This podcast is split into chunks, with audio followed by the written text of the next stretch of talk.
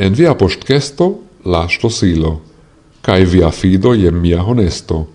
Slosila figuro mi igis, nu, quelcan tempon. Via gesto estis sen pripensa, char mi asciis kiel gin profiti. Priflaris grunte vian liton, emposigis du libroin, a ah, claras prunte, ec vian shatatan discon mi auscultis. Ausculti, occulti, person culti, Mi sercis molon en pug prema fotelo, cae pensis, lauvice, mi estas vi, mi estas vin, mi vin nestas. Iu sense mi credis je la unua ideo, cae por intime rilati al mia vivo, mi ec esploris miain secretoin, ciu retoi da conatoi cae contactoi, Facte nur la letero in sur via tablo mi tusis, min ne un unu verkita de ino, ja alicas leterumi cum virinoi, sed correspondi desiris cum vi ancau tria monda ulo, sen honte agrafante sian foton, mi estu ci domicile la ne pagi povulo. Ien kiel mi aferumis longan dauron, cae finis sovante la predon en la posoin, cae la sosilon remetis en la postceston. Nun, mi ne plu visitos vin, ec ciam vi heimos.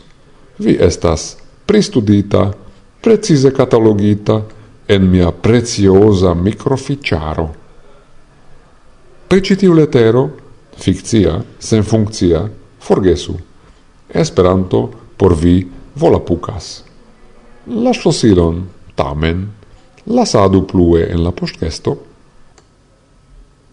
Istvan Ertl en alies logeio.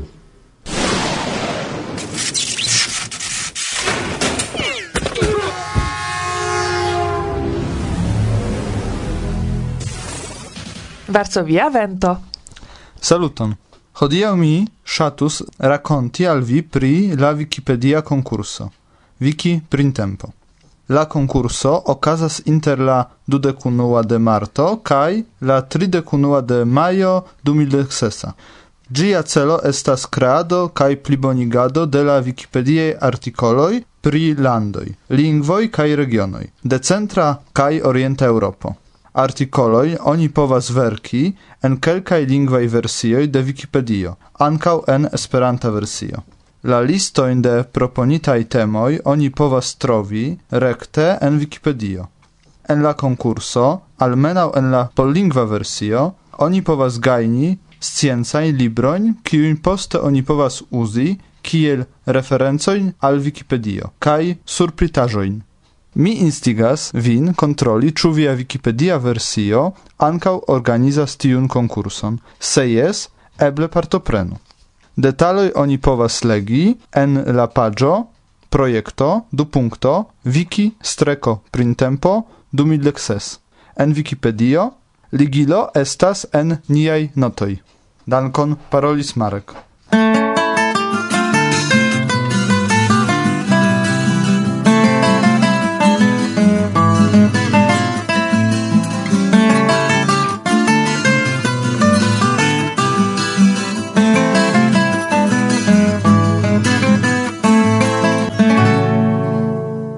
Saluton Varsovia Vento, Kai dankon pro la invito paroli al viai auscultantoi. Mi estas Genia. Eble iwi conas min kiel Helena Bonvolo de Pasporto alla tuta mondo, sed, sed mi ne estas si. Mi estas simple Genia. Kai en tiu epoco, tiu proiecto estis tre cara al mia coro. Pli pri tio eble poste, sed Irek invitis che mi parolu al vi pri proiecto mia depost la lastai quelca jaroi, Tio estas Kino Teatro Festivalo, Kino Arta Festivalo kaj Scenarta Metiejo por Esperanto parolantoj. Sed unue eble mi diru iom pri kiu mi rilate al Esperanto kaj scenartoj, kaj kial mi starigus tian Esperanto aranĝon.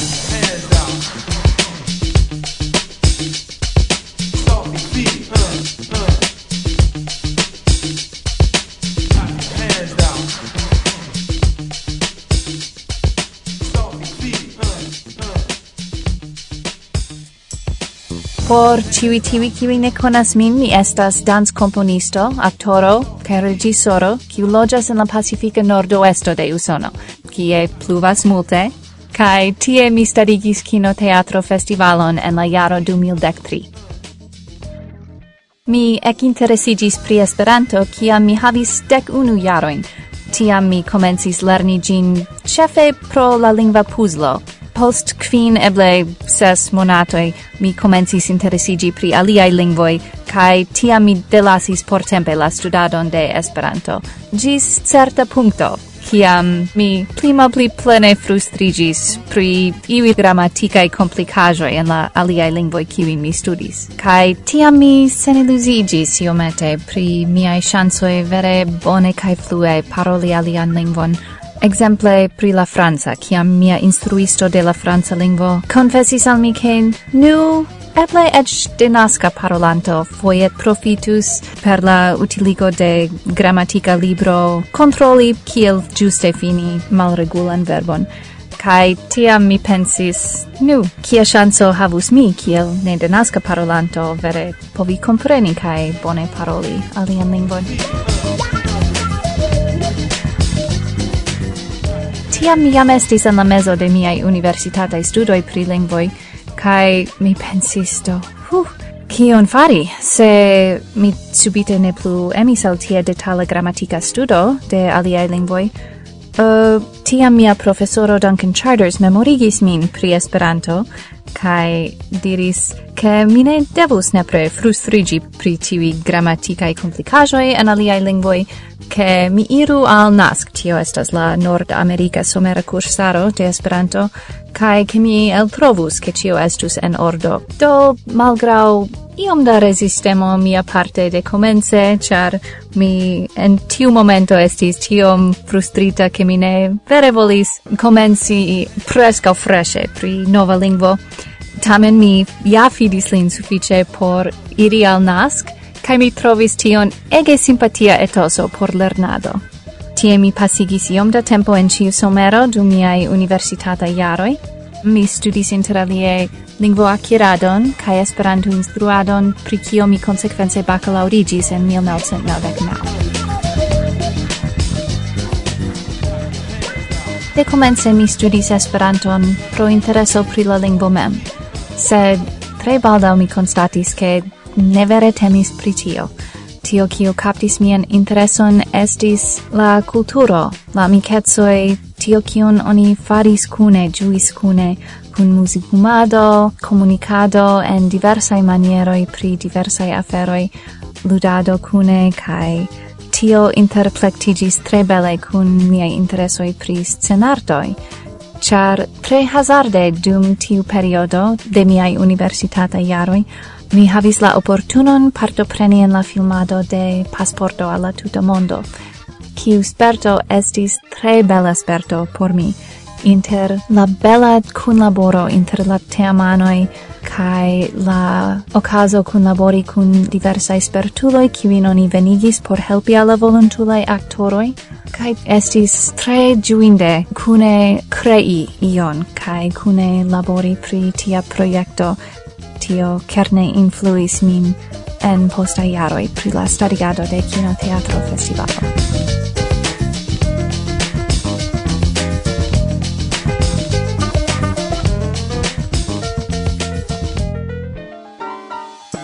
pro tiu felice frua sperto mi poste ciam volis daure actori.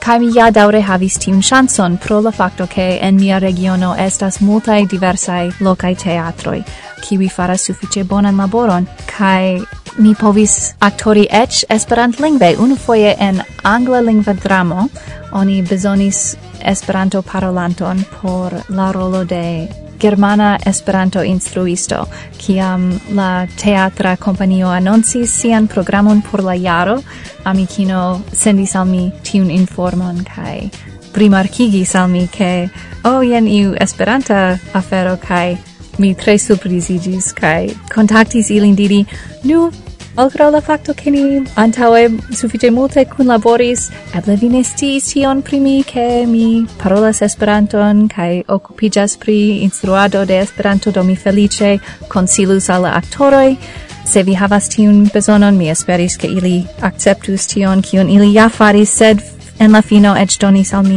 unu el la esperantlingvaj roloj.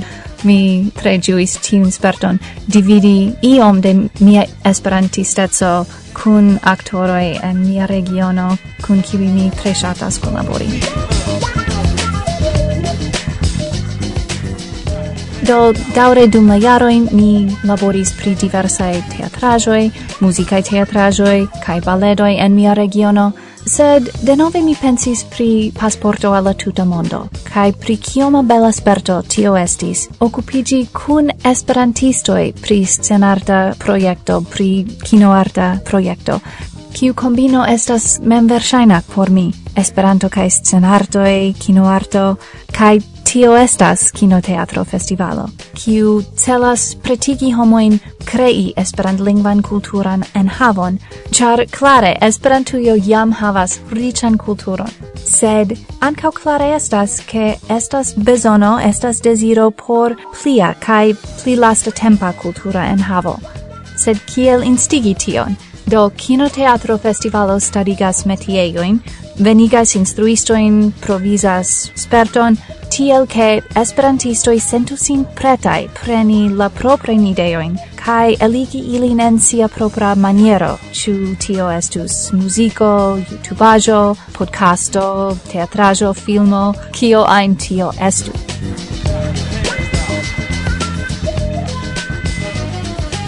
Do, en estonta episodo mi racontos pri kiel ecestis kino teatro festivalo, iuin anekdotoin pri la unua jaroj de la festivalo, kai pri diversai programoi kiuin partoprenis la festivalanoi gis nun. Sed por hodiau mi diros ke en 2016 Kino Teatro Festivalo kun okazos kun NASC en Raleigh, Norda Carolino, Usono, dum la unua semaino de Julio. La teamo, kiu kunlabore pratigas la festivalon kaj instruas, iwi surloke kai iwi per Skype pro distanco, inclusiva sie Derek Roth, Carlo Mays, Bertilo Venegrin, Licio Miller, Gary Grady, Evil Dia, Interalie, kai nia programo tushos je la Esperanta muzika industrio, detalos kiel starigi YouTube an kanalon, instruos iwin la technicain scipovoin por montado de bon qualita sono kai video, kai provisus in sessio sesioin pri la diversae eroi besonata por starigado de nova radio dramo, kiu ni presentos por la unua foio dum la festivalo. Ancao debutigios dum la festivalo en 2016 la nova malonga filmo Laboro Daura, kiun verkis Tim Westover kaj regisoris Derek Roth, kiun la partoprenantoj de la 2015 festivalo kune kreis. Do visitu nian retpaĝaron ce cotofesto.org kaj informiĝu tie pri civi la detaloi, kaj se vi ne povos aligi ciare tamen, contactu nin pri viai ideoi, proiectoi, interesoi por sekvaj jaroj, kai ne presendu al ni viain esperantlingvajn filmojn, mallongajn filmoin, se vi shatu se Kinoteatro Festivalo montru ti in cadre de la ciara festivalo. Do, kor dankon Irek pro via invito, kai dankon ciui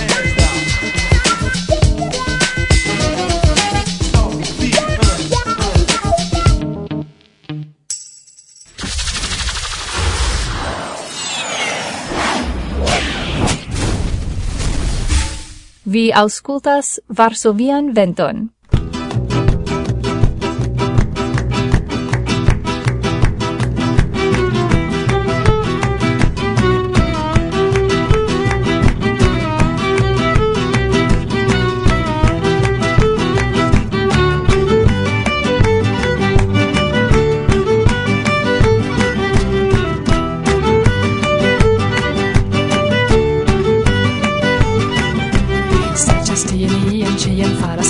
krokodilo Ci estas malamike, buskas nin kun maltrankvilo Ciu ombro estas fantomo. Premu la militbotono Kun kanonoj krokodilo nokte ĉasas papilio Se vi povas kapti unu stulta krokodil Vi naskigos mil Se vi povas kapti unu stulta krokodil Vi naskigos mil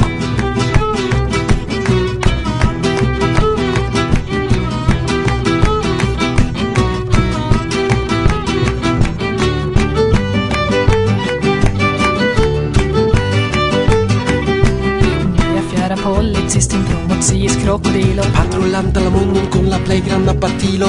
Jen hita de formigo. Tuj frekasas tutan ujon Tuj frekasas pacan vojon Tu ŝanĝiĝis en scorpio Se vi povas murdi uno stulta crocodil Vinas figos mil. Se vi povas murdi uno stulta crocodil Vinas figos mil.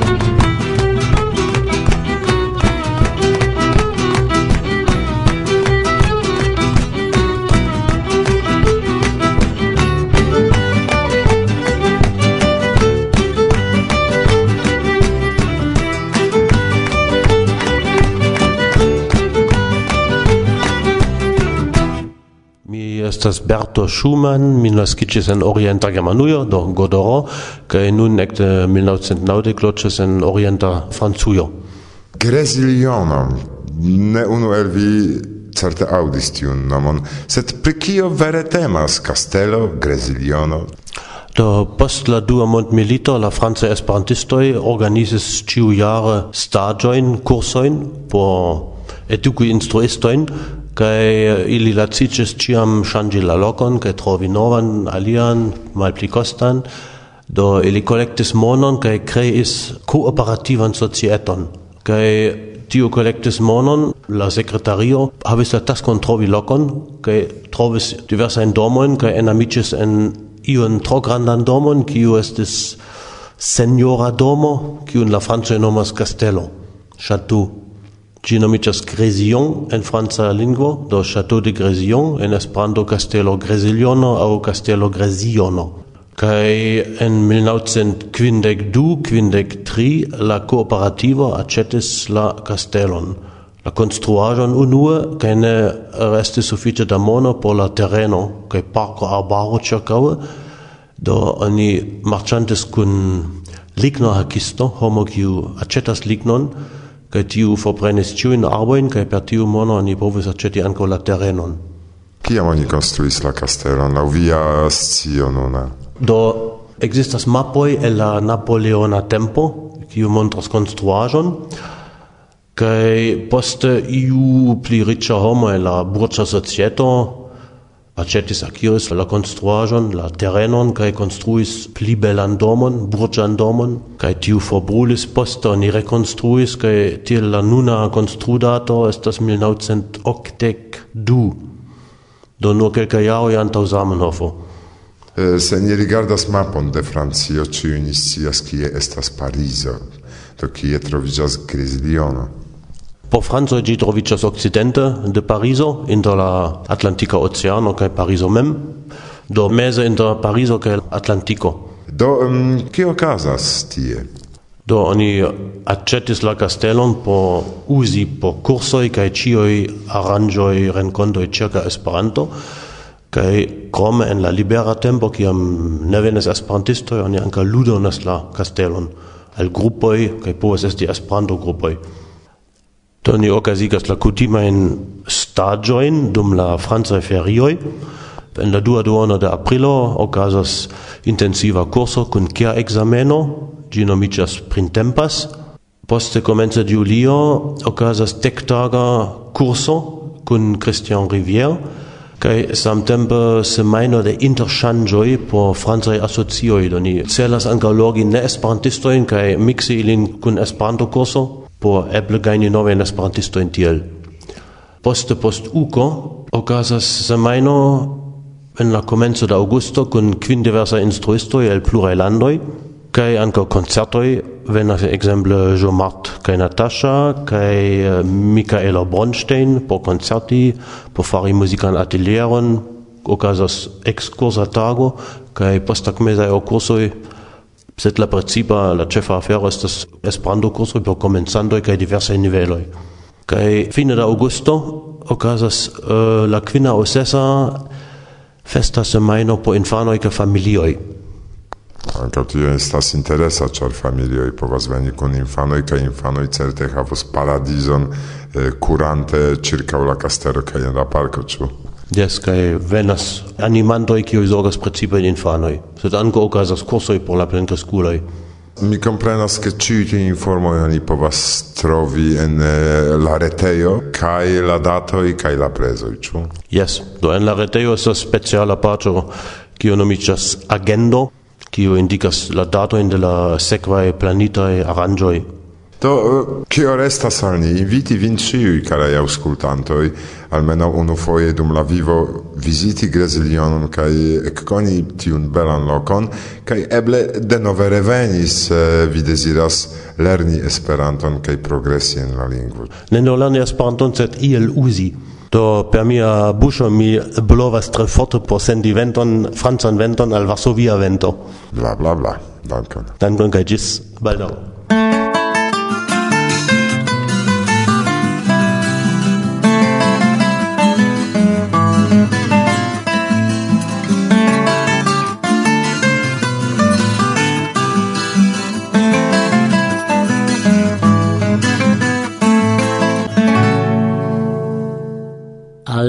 fratoi.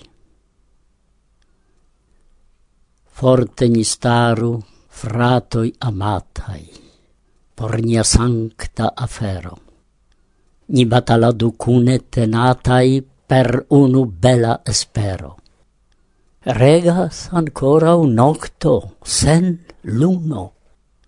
La mondo dormas obstine, sed iam levigios baldau la suno por lumi, brili, sen fine. Vecu, ho vecu, vecu constante, ne tim ridon, insulton, vocu, ho vocu, ripetadante, gis vi atingos ausculton. Decon da foioi vane perdigios la voco via ridata, la dec unua al radicigios, cae crescos fructo benata. Tre malproxime ciui ni staras, la unui de la aliai. Cie vi estas? Cion vi faras? Ho, oh, carai fratoi, vi miai. Vi en la urbo, en la urbeto, en la malgranda villaggio ciò ne forflugis, cil bloveto, la tuta viva curaggio?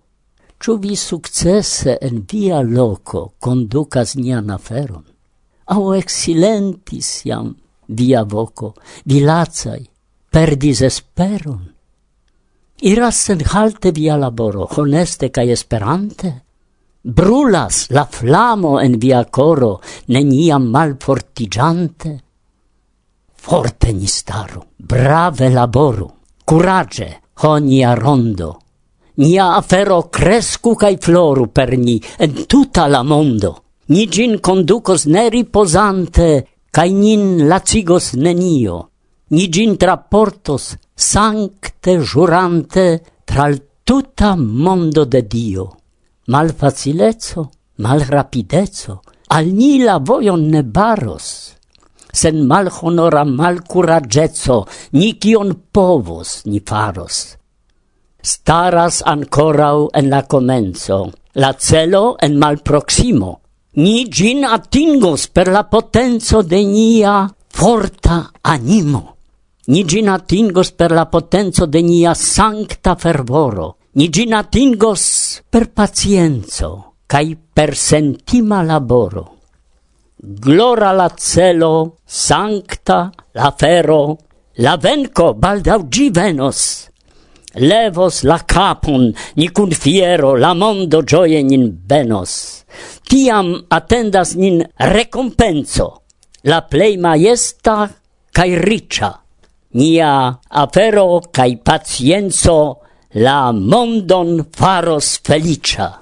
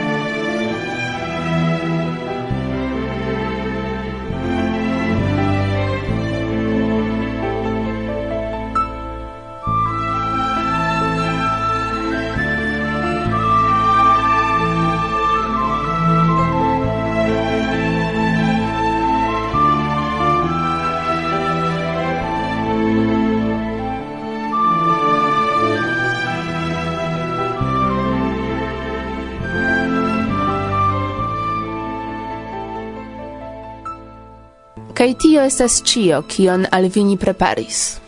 Baldau en la nordoccidenta Polando, fakte landlime kun Germanio en Szczecin, okazo semainfina Szczecina printempo, kion vizitos ni por iom registri kai poste nalvi raporti. Se vi ne scias kion fari dum ci semain fino, venu tien. Ligilo con la detaloi troviĝas en la prescribo de la programo. Same kiel aliai ligiloi, concernai al temoi pri kiui vi auscultis. Do care, la provizora studio de Varsovia vento. Adiaŭas vin Irek kaj Martusia. Ci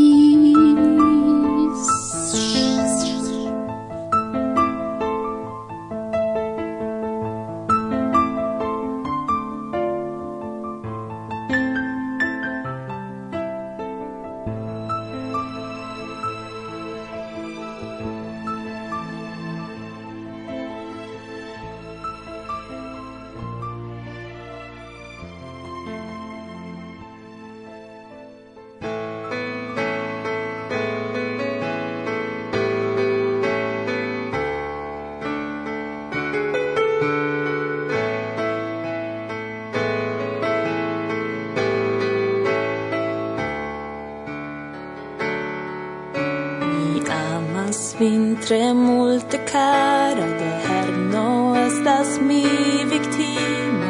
Amas vintre multe multe pli ol iu ein esprimo pli ol drositaj vortoi pli ol iai ein logicae fortoi. Cia la brille via flor estas la rit de mi.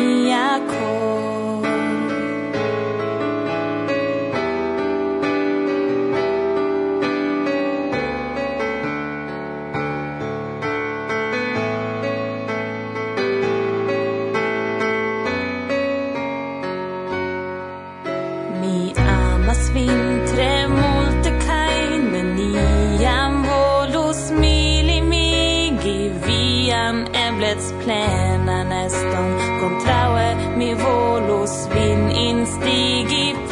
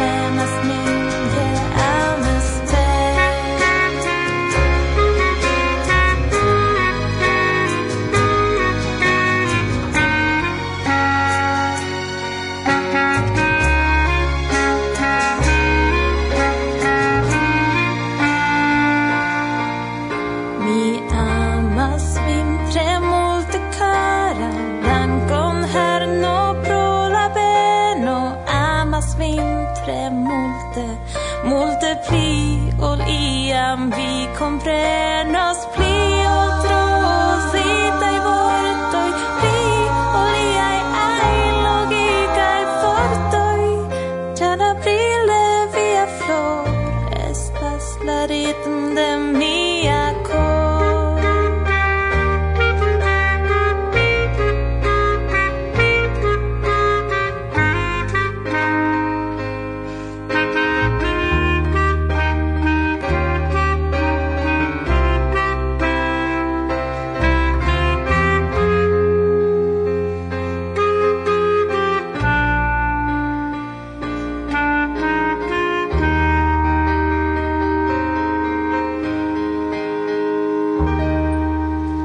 Ke hodiaŭ nenion mi preparis, ĉar multe mi studis en mia universitato laste. Sed tamen mi desiras saluti vin ciuin el core. En la tuta mondo kie vi estas. Kasia Ho. Varsovia vento. Bla bla bla.